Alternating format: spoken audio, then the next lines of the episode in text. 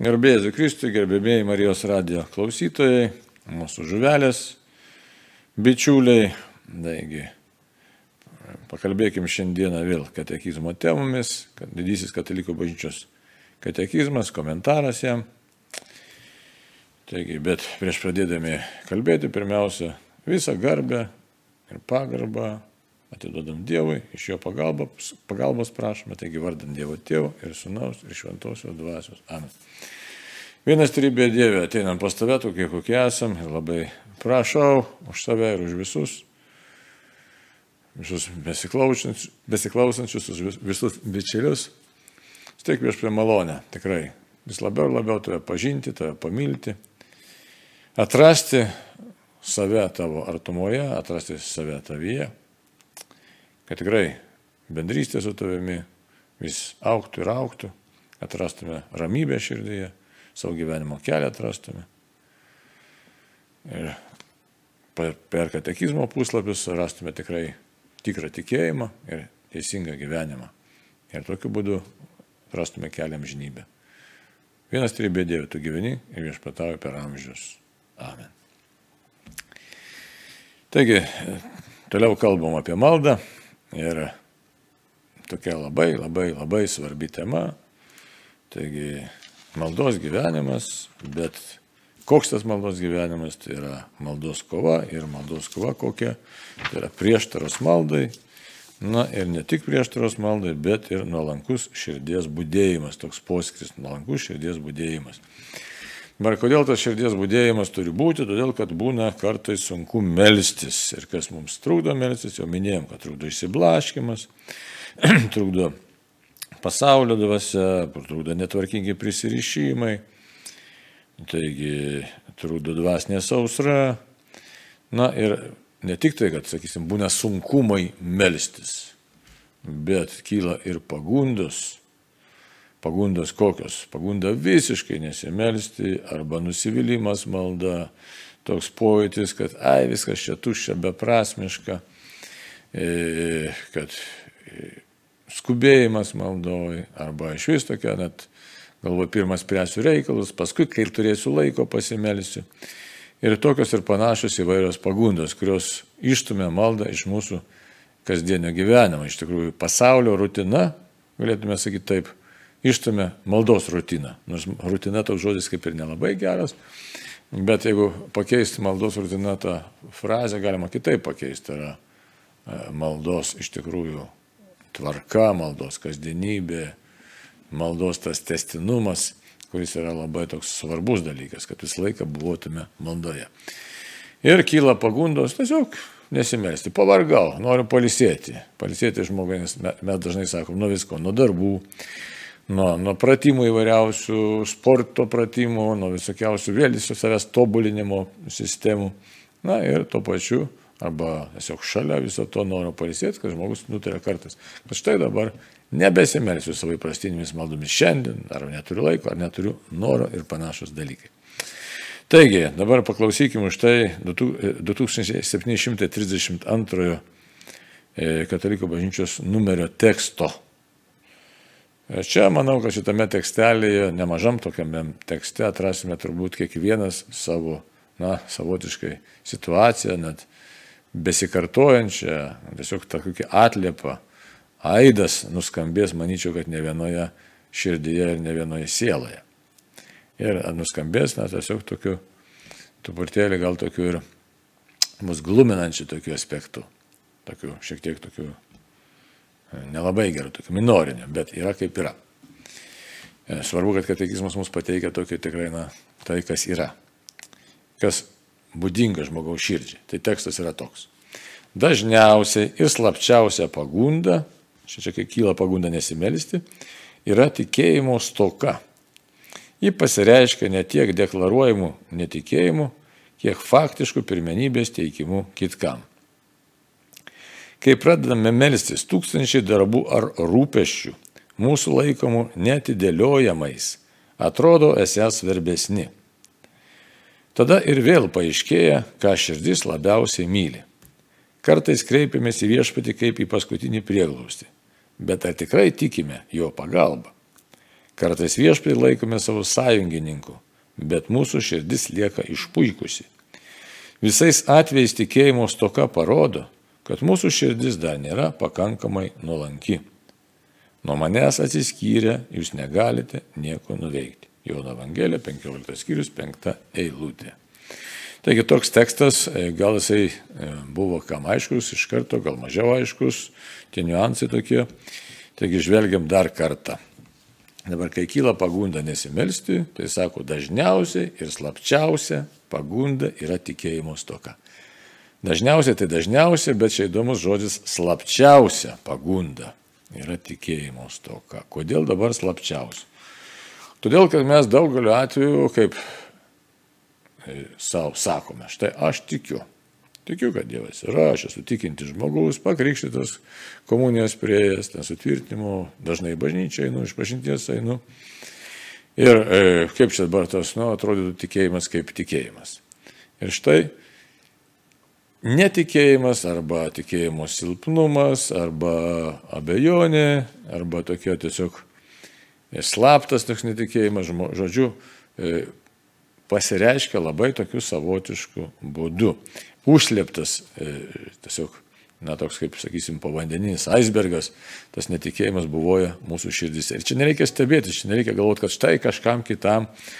Mūsų e, tikėjimas, mūsų kaip ir žmogaus, visa psichika, mūsų gyvenimas, mūsų mąstymas yra labai daugelypiai dalykai, labai daug sluoksnių tokių yra. Ir mes turime įvairiausių patirčių ir, ir savo gyvenime patirtų per visą eilę metų. E, taip pat minčių begalė visokiausių ateina, troškimų įvairių. Ir e, aistrų įvairiausių, tų tiesiog mūsų širdise, pasirinkimai, mūsų charakterio savybės, vertybės, kiek jos įauga, kiek jos neįauga. Taip pat ir tikėjimas, kiek jisai palietęs visą mūsų asmenį. O ką reiškia tikėjimas? Tikėjimas tai yra santykis, iš tikrųjų tikrasis santykis su Dievu.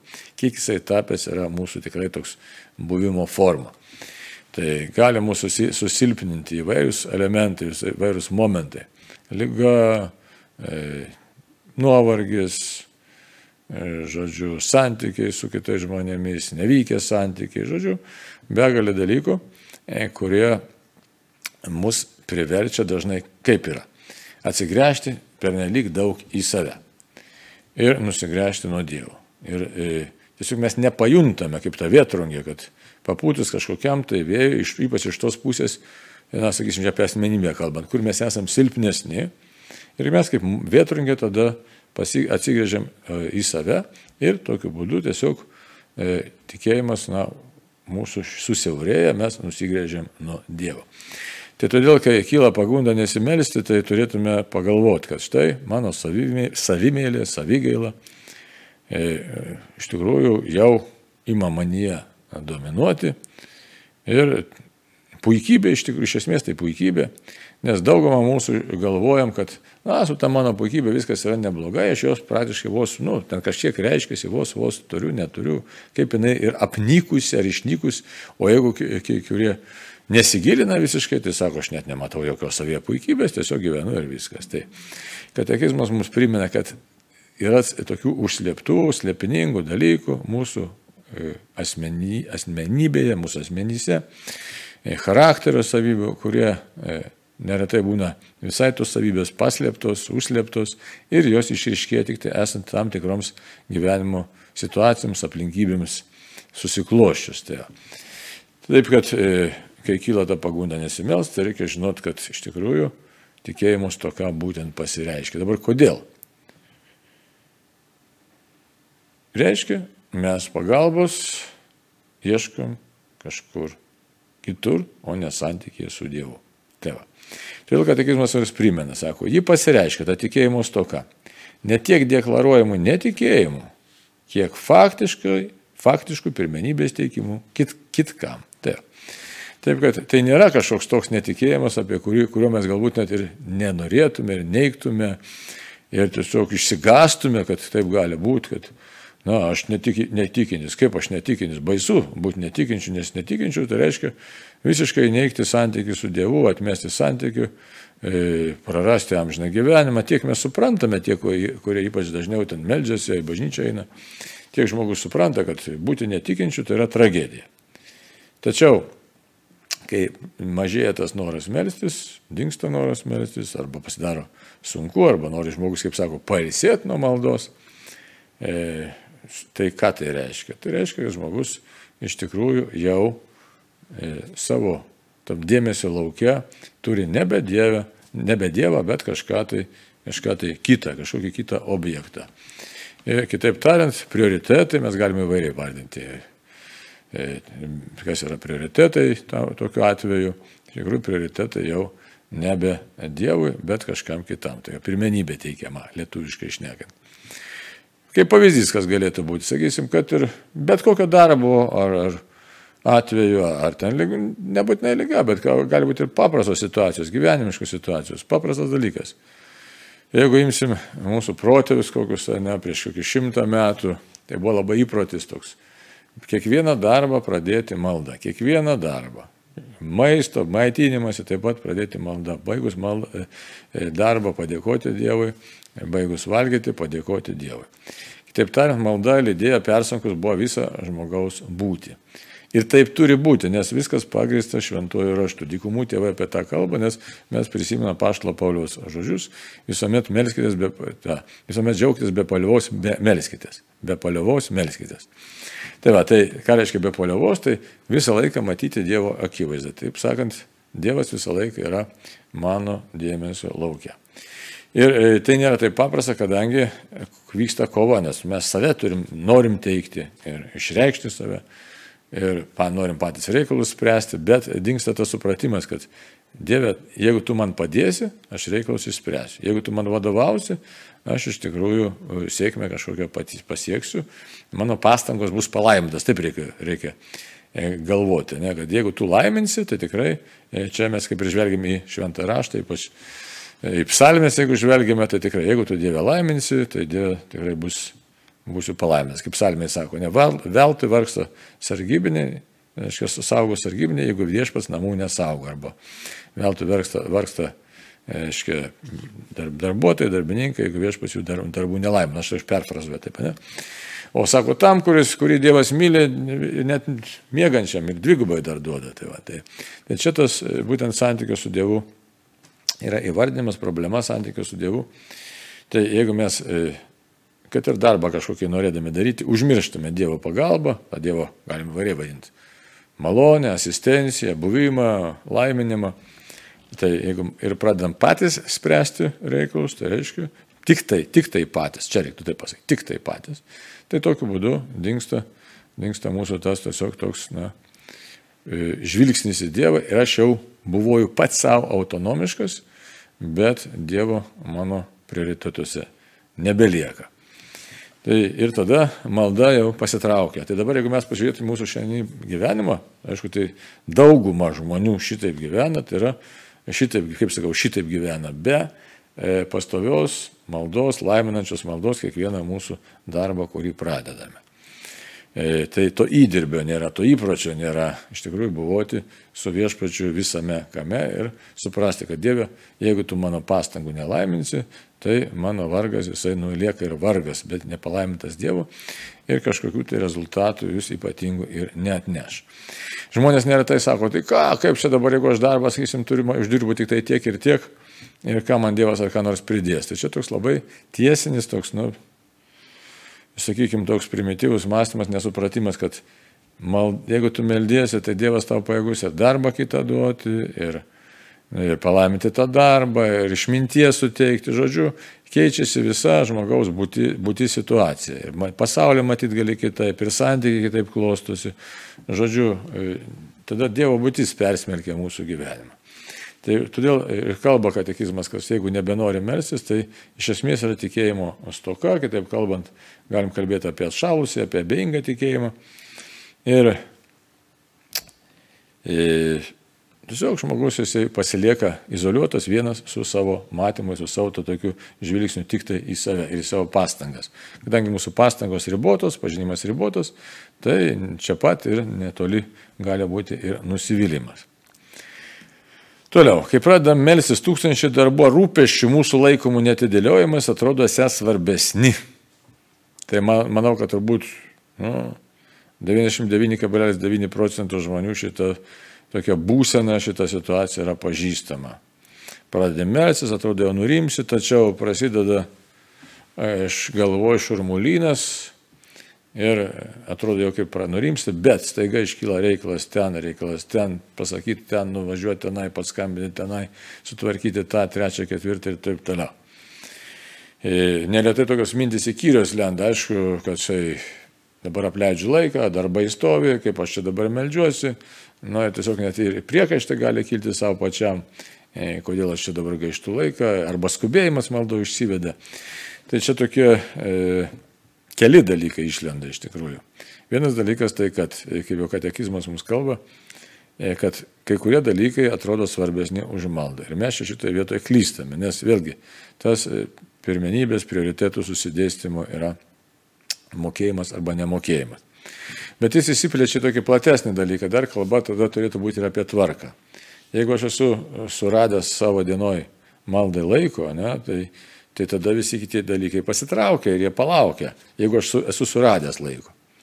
Jeigu e, kulverščiais verčiuosi per galvą ir bėgu ir noriu viską suspėti, per taip tiesiog tam perfekcionizmė savo paskendęs, kad ir darbus tobulai padaryti, ir pasportuoti, ir su kažko ten pašnekėti, ir pasimelsti, e, ir viską noriu labai gerai padaryti, ir tų e, darbų ir rūpešių yra daugiau negu mano galimybių, tai tada iš tikrųjų ir kai ateinu į maldą, jau ta malda tampa neberami ir jau jinai sujaukta tampa, nes mintis laksto ir galvoja, kaip čia ir maldą reikia atlikti, atlikti, ne? ir, ir tuo pačiu metu jau galvoju, kaip reikės visus reikalus tvarkyti, spręsti. Tokiu būdu nei ten malda gera ir, ir, ir Dievo palaiminimo negauni. Tai todėl šalia to, aiškiai, rūpeščių, to iš, iš, iš sureikšminimo, tiksliau kitų net dalykų tokio iškelimo, dar reikia pagalvoti ir apie asmeninio gyvenimo tvarką. Tai jeigu tvarka yra kažkokia tvarka, žmogus tai tvarkoja susistatęs savo tą dienotvarkę, savo skiria laiką, tai tada jis turi galimybę nurimti ir iš tikrųjų išplėšia tą laiką iš savo darbų ir nurimsta ir e, tada gali tiesiog nurimę su Dievu buvoti, prašyti palaiminimo. Čia keletą pavyzdžių galim paimti. Galim paimti iš vienuolinio gyvenimo pavyzdį. Tai yra ta valandų liturgija, arba kaip mes, mes čia esame pripratę vadinti brevijorius, Tai vienuolynuose kaip yra skirtos valandos specialios liturginio, liturginio valandų kalbėjimo ir viskas, laikas sustoja. E, na, paimkim, pavyzdžiui, Benediktinus. Ne? Laikas sustoja, meti visus darbus ir eini į koplyčią ir meldiesi. Dabar e, tai vienas dalykas. Mes, aišku, prie to pasauliečiai, nu, ir kunigai pasauliečiai, ta prasme, ne vienuoliai nėra įpratę, kiek to laiko atlieka, kartais skubom, neskubom to, tas valandų liturgija, liturgijos tas maldas sukalbam. Bet ar tame yra ta gelmi maldos? Žinoma, kad nėra. Dabar nekrikščioniškas pavyzdys, tai yra musulmonų pasaulis. Musulmonų pasaulis, lygiai kaip ir katalikų pasaulis, iš tikrųjų tai yra e, septynių, iš tikrųjų penkių ten, penkių e, maldų, nors pagal Seną testamentą galėtume kalbėti apie septynias momentus maldos, aišku. Tai. Bet jie paprastai tą savo kilimėlį išsitraukia ir nekreipia dėmesio ir kur jie būna, ten meldžiasi. Aišku, ne visi, ne visas, ne, ne visas musulmoniškas pasaulis, bet tie, kurie uolesni iš tikrųjų. Labai dažnai mes galim e, pamatyti ir gatvėse, ir net vakarų Europos gatvėse, ar ten kažkokiuose ofisuose ir panašiai E, kiti pasišaipo žmonės, ne, ten iš jų, kaip čia dabar matai, musulmonai čia meldžiasi. Tačiau tai yra gražus pavyzdys iš esmės, kodėl tai kalba apie santykių su Dievu, kad man santykių su Dievu, jų čia tokia yra kalba, ne, ta prasme laikysena tokia, laikysenos kalba. Man santykių su Dievu yra pirmoje vietoje, aš žinau, kad aš šito turiu garbinti ten penkis kartus per dieną ir ne, ne viskas, ir tai yra šventas reikalas. Tai va. Taigi, Dievas pirmoje vietoje prioritetas. Tai va, tai o Mums atrodo, kad tūkstančiai darbų ir rūpešių, reiškia, nustumė Dievą į kažkelintą vietą. Ir tada tokiu būdu, reiškia, Dievas, kuris yra pavydus Dievas, jeigu pagal Seną testamentą, pagal Šventą raštą žiūrėt, bet tas pavydumas gerąją prasme, jisai nori tikros meilės, nemeluotos meilės, visiško meilės ryšio. Taigi pavydus tas Dievas yra nustubiamas ir, e, žodžiu, meilės santykis griūva. Jis net, nu, net nepanašu ten į meilės santykį niekas tėvą. Tai va, taip, kad mes, jeigu galvojam, kad yra tūkstančiai netidėliotinų rūpešių ir darbų, tai mes tokiam gyvenam iškreiptam pasaulyje, melo pasaulyje. Ir tai rodo, kad nesugebam susistatyti prioritetų, kas man yra svarbiausia, kitaip tariant, Dievą nustubėm, o tai yra netikėjimo aktas, iš tikrųjų netikiu Dievą, kad tu esi pirmoje vietoje, netikiu Dievą, e, kad tu esi man svarbiausias, netikiu Dievą, kad tu man gali padėti, atbėgu pas tave tarp kitko, kai man blogai, bet šiaip tai iš tikrųjų tai nesitų man pirmoje vietoje. Tokia yra mūsų laikysena ir tos laikysenos tokia, nu, kaip sakytume, ta laikysena kaip tokia, nu, kalba kalba, tiesiog nu, nebili kalba, pati laikysime kalba už mūsų vidų, už save. Tai va. E, ir dažnai mes randam įvairiausių pasiteisinimų, kad, žinai, to, ano, trečio, ketvirto, bet šiaip tai kalba būtų apie du dalykus, jau kaip katekizmas čia sako, apie netikėjimą ir apie, ir apie bendrą tvarką. Bet jeigu tvarkos nėra ir aš Dievui nerandu laiko, tai vis tiek yra kalba apie netikėjimą. Tai čia mums reikėtų labai nuolankiai prisipažinti, kad iš, iš tikrųjų gyvenam didžioji dalis tokio, nu, tokio drūgno tikėjimo gyvenimą, drūgno tikėjimo. Ir, ir čia ne, nepasiteisinimas būtų tai, kad visi taip daro, ar, ar visi taip dabar neįprasta, dabar kitokia visuomenė. E, čia visiškai joks pasiteisinimas, nes E, jeigu visi darytų nusikaltimus, pavyzdžiui, ne, tai ir teisėjai sodintų į kalėjimą, taigi nepasakysi, kad štai visi dabar taip daro ir aš vis taip dariau kaip visi, nu tai ką tada aiškiau. O atsakai, kiekvienas atsako pats už save, jo labiau santykiai už Dievą. Taigi išganimas yra asmeninis dalykas, mūsų apsisprendimo dalykas, tai kad čia reikia to tikrai tikėjimo pagilinimo, to tikėjimo tvirtumo ir kito varianto nėra. O mums, e, kadangi taip drungnai gyvenam, Labai sveika yra prisipažinti, taip, Dieve, mano tikėjimas yra prastas, silpnas tikėjimas, silpnas tikėjimas. Pradėti. Pradėti prisipažinti. Ir tai yra labai sveika ir labai gera, nes tada supranti, nu, kokiam stovėje esu ir, ir yra ką su savimi veikti, ta prasme, to tobulėjimo prasme, atsivertimo prasme yra ką veikti. Toliau.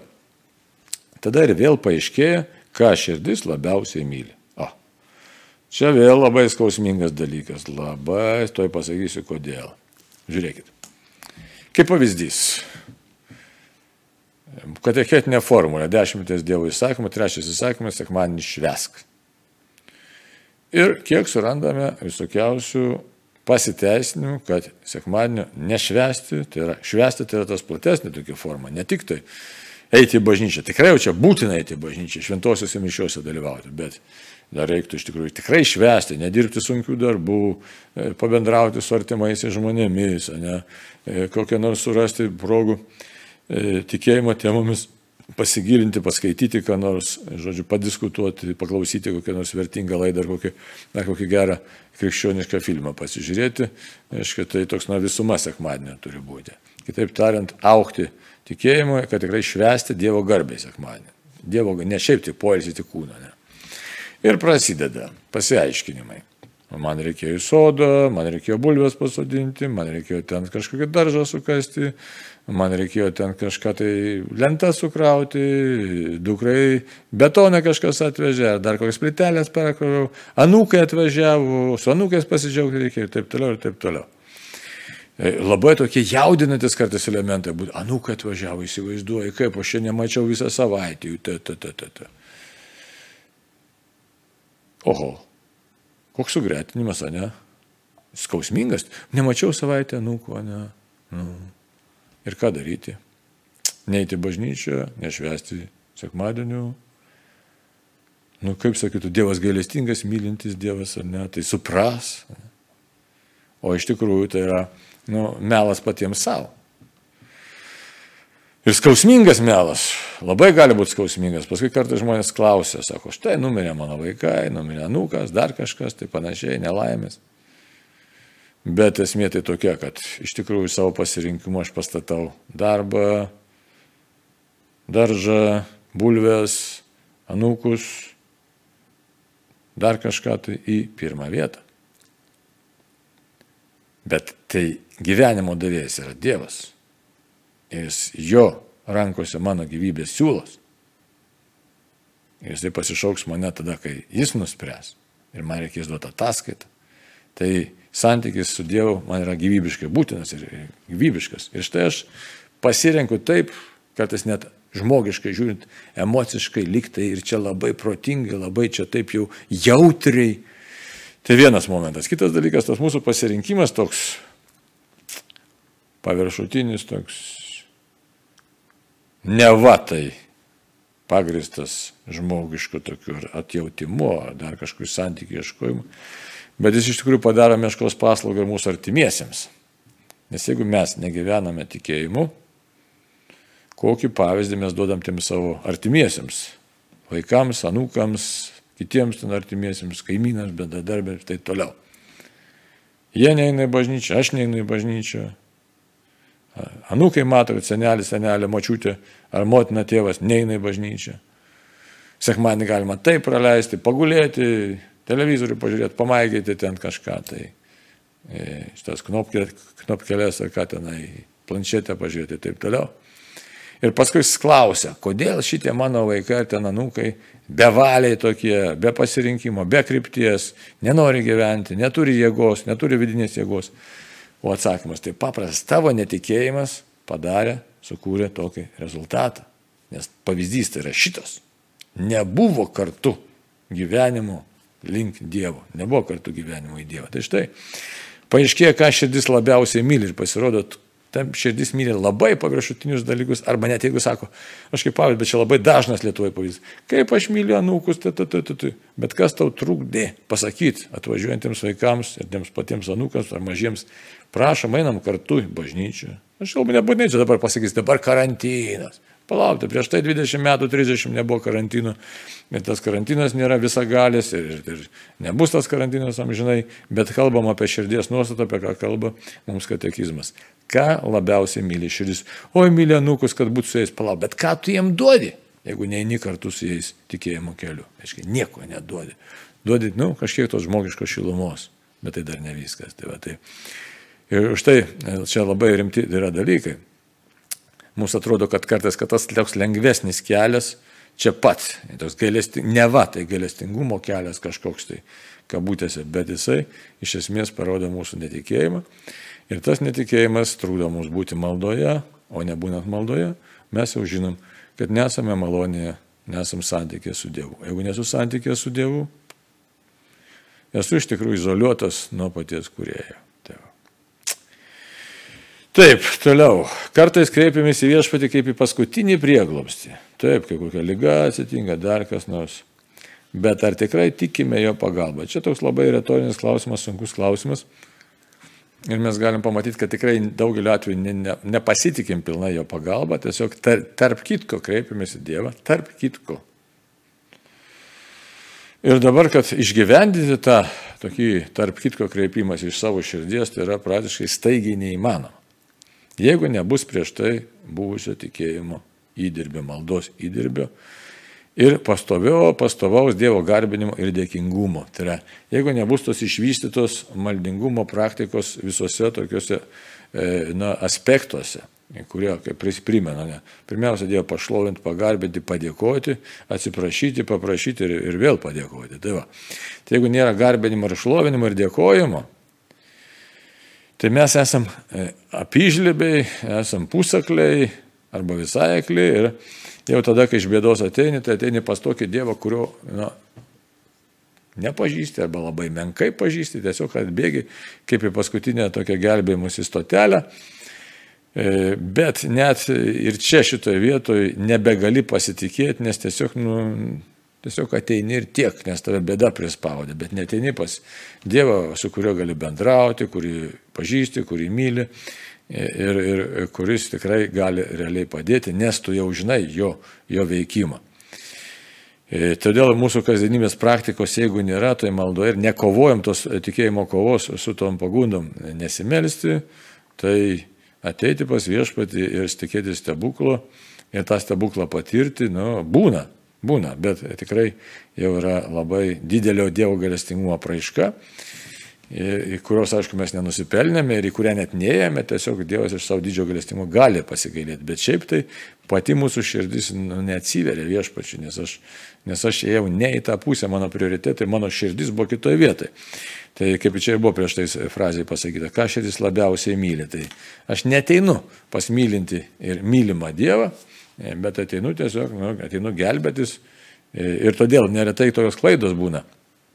Nubėga, aš kaip pasimels, bet nepasitikė malda, paskui bėga dar pas kokį ekstrasensą būrėją, paskui vėl grįžta į bažnyčią, toks blaškimasis. Kodėl? Todėl, kad sustato visus į vieną gretą, aiškiai, šamanistinės praktikas įvairiausios, ten su, su viešpačiu sumaišu ir nesupranta žmogus iš tikrųjų, kas yra kas. Ir tai dabar, ypač dabar mūsų laikmetyje paplitė, paplitus, tokia, paplitusi tokia laikysena, kai žmonės nebesusigaudo, kas yra kas. Tai, o kodėl taip yra?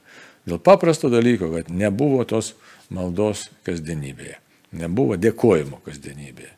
O jeigu nėra dėkojimo, šlovinimo ir dėkojimo, nes šlovinu Dievą už ką, už tai, kas Dievas, dėkoju už tai, ką Jis mano gyvenime daro. O jeigu mes nematom malonių, kurias Dievas duoda mums kiekvieną dieną, tai mes ką tik tai matom. Savo sprendimus, matom kitus žmonės, matom egoistiškai savo gyvenimą labai, matom ekonominius santykius, bet santykius su Dievu neapčiuopiam, nes jis, jis yra nematomas, jis yra vidinis. Tai va, kartais viešpatį laikome savo sąjungininku, bet mūsų širdis lieka išpuikusi. Irgi labai, labai teisinga ir labai skausminga frazė. Ne? Dėl dykumų tėvai apie tai kalba. Ne? Dabar ką tai reiškia? Čia toks jau subtilesnis dalykas reiškia. Dievas mūsų sąjungininkas, bet mūsų širdis labai išpuikusi. Ha, kaip čia dabar gali būti? O labai paprastai ir nepaprastai tuo pačiu metu. Šitas momentas labai kaip, kaip kad pavyktų čia pa, pasiek paaiškinti. Aš suprantu ir melžiuosi, pavyzdžiui, žmogus gali sakyti ir iš, iš patirties tą galim patiriam. Ir tikrai Dievą myliu, Dievas mane myli ir matau jo stebuklus ir stengiuosi dėkoti. Ir, ir, ir dėkoju ir šlovinu viešpati. Tačiau ta puikybė tokia yra taip slaptai kalbanti, ne? Slaptai kalbanti. Ai, žinai, bet Dieve, tu vis dėlto padaryk kaip aš noriu, tu man esi tarnaujantis Dievas, čia tokia, toks niuansas ir jisai sunkiai apčiopiamas mūsų, mūsų protos ir mūsų širdyse, ne? Nes taip jau atrodo, kad nusižemęs viską darau dėl Dievo, Bet kadangi dažnai netliekam sąžinės sąskaitos, tos gytų ypač giluminės tokios sąžinės sąskaitos, o tikrai kokie mano tikrieji tikėjimo motyvai, gyvenimo motyvai, e, kokios tikrosios intencijos. Ne? Ir tada nepamatom to, to tokio subtilumo, kad aš iš tikrųjų vis tiek esu išdidus, išpuikęs ir noriu, kad Dievas man tarnautų ir kad viskas vyktų tik tai pagal mano valią. Čia šita žaizda, šita lyga labai paplitusi praktiškai visų žmonių širdyse, bet jin ir labai sunkiai apčiopia manęs. Taip atrodo, mūsų intencijos geros. Ne? Dabar ir čia plaidas darom, ir ten Marijos radės veikia, arba, sakysim, žuvelė čia veikia, aš konkrečiai galim šnekėti apie save. Ir galvoju, kad viskas čia taip dėl Dievo. Bet iš tikrųjų, jeigu pasieknystume, visą laiką lieka tas žmogiškas elementas. Jonas Laiptininkas apie tai rašė, jeigu kada skaitysit. Jonas Laiptininkas, kaip ten jį vadinasi, dar e, kitas tas graikiškas žodis yra. Tai, va, tai Jonas Lapnikas ką kalba? Sako, ta puikybė labai savotiškai veikia, kaip koks, nu, trišakis, toks būda trišakį daro, kad ten ypač Egipte iš metalo darydavo tokius trišakius. Kam jos darydavo? Tai jeigu vykdavo kovos, tai arkliam po kanopom numesti, drambliam, E, kad jie užmintų, reiškia, ir negalėtų kovų, kovos tos vykti. Tai sako, kaip tu bemesi tą trišakį, nedidelis ten toks, ne koks, bet vis laik vienas spiglys visą laiką į viršų. Kaip nori, taip mes, visą laiką spiglys vienas į viršų. Tai čia tas pats ir su puikybė. Tai čia yra toks jau kur kas slaptesnis dalykas, sunkiai, kaip jau minėjau, apčiuopiamas. Ir mes taip, Dievam laikom savo sąjungininkų, bet Galiu savo leisti ir nesimelsti, nes žinau, kad Dievas geras, žinau, kad Dievas išklauso, žodžiu, to tikro nusižeminimo mano širdį nėra. Ir tokia širdis lieka išpuikusi. Vis tiek Dieve kažkaip čia e, man pagelbėsiu. Žodžiu, centras pasaulio esu aš, o ne Dievas. Tai va. Ir tokios, tokia, tokia slapta, tokia žaizda, nu, įda tokia slapta, labai gali apsunkinti mūsų tą maldos gyvenimą. Ir tada tą sukelt pagundą nesimels. O kam čia melstis, jeigu Dievas vis tiek mane myli viešas, labai, labai geras yra. Tai va, ir tas išpuikimas, toks slaptas išpuikimas, tai, nu, jis gali neretai būti tiesiog piktosios dvasios panaudotas prieš mus pačius mūsų gyvenimo kelionę ir pakišti gali mus labai stipriai koją. Tai va. Toliau. Visais atvejais tikėjimo stoka parodo, kad mūsų širdis dar nėra pakankamai nuolanki. Ta. Čia yra šimtaprocentinė teisybė.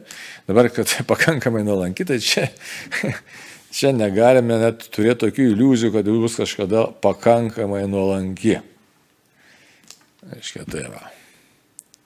Tas nenuolankumas, kaip jau ir minėjau, tas slapta puikybė, išdidumas, Dievo e, nustumimas iš pirmos vietos, čia kaip už tai Jėzus ir vardina Evangeliją pagal Joną, nuo manęs atsiskyrius nieko negalite nuveikti. Ką mes galim nuveikti be Dievo? Nieko negalim nuveikti, bet mes to nesuprantame. Čia problema yra. Tai, tai, tai ta pakankamai nuolanki širdis, kai imi suprasti, kad absoliučiai viskas yra malonė. Viskas yra malonė. Lietus, saulė, liepos, tujos, tulpės, rožės, skrūsdėlės, gyvenimas, žodžiu, kai kurie sunkiai vardinami dalykai, nes visame Dievo valia yra, kaip Jobo knyga prisiminama, ne? Tai ir, ir suspaudimai, lygos, viskas Dievo malonė, nes Dievas tai leidžia mūsų sielos išganimui. Tai kai kurios dalykus labai labai sunku priimti ir pripažinti. Ir, ir štai be tikro nuolankumo mes jų nepriimsime. Štai ir sunku priimti, kad neturim tikro nuolankumo. Tai nereikia bijoti savo šito prisipažinti. Taip, neturiu tikro nuolankumo.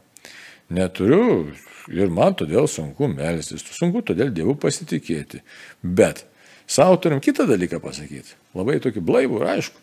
Esu gyvenimo kelionė, esu tikėjimo kelionė ir norėčiau, ir noriu turėti tikrą nuolankumą, noriu tapti pamaldesnis. Tai kai prisipažįstam, pamatom savo trūkumus, savo tos e, na, neteisingus pasirinkimus, prioritetus, tai turim ką su savim veikti. Tada žinai, e, kur kažką netaip darai kur klysti, kur pasirinkai neteisingai ir tokiu būdu galime jau pradėti užimti teisingą poziciją. Čia visiškai nesvarbu, kiek mums metų, ar, ar 15, ar 75, ar 85. Visiškai nesvarbu, bet galime pradėti tikėjimo kelionę čia ir dabar. Ir tokiu būdu Dievas jau mato mūsų atvirą širdį ir ta mūsų širdis yra pasirengusi jau iš tikrųjų kitokiai laikysenai. Tai taip, kad kartais mes tokie perfekcionistiškai labai norim, kad čia ir dabar aš jau nuolankus, nes iš tikrųjų bijom tikrojo savęs, tikrojo tokio. Netobulo, silpno, netobulo bijom savęs. Ir įsivaizduom, kad jeigu aš kažką teiksiu apie save, e, kas aš nesu, tai bus viskas gerai. Tai čia nėra gerai. Taip, kad nebijoti reikia mums to tokio mūsų netobulumo ir supras, kad iš tikrųjų tikėjimo mums stinga, bet esam kelyje ir Katekizmas už tai mums primena, kad tai kartais arba net dažnai pristinga mūsų tikro tikėjimo. Bet Dieve, su tavimi iš tikrųjų, jeigu grėšimės nuoširdžiai tave, tai tikrai suteiksi tai, ko mums reikia. Taigi tiek šiandieną. Neišsigaskim kylančios pagundos nesimelisti, pažvelkim į savo vidų ir jeigu nuoširdžiai tą darysim, Dievas tikrai mums suteiks reikalingų malonių, kad pradėtume tikrą tikėjimo gyvenimą. Taigi ačiū uždėmesi ir iki sekančių susitikimų, jeigu Dievas leis ir norės. Sudė.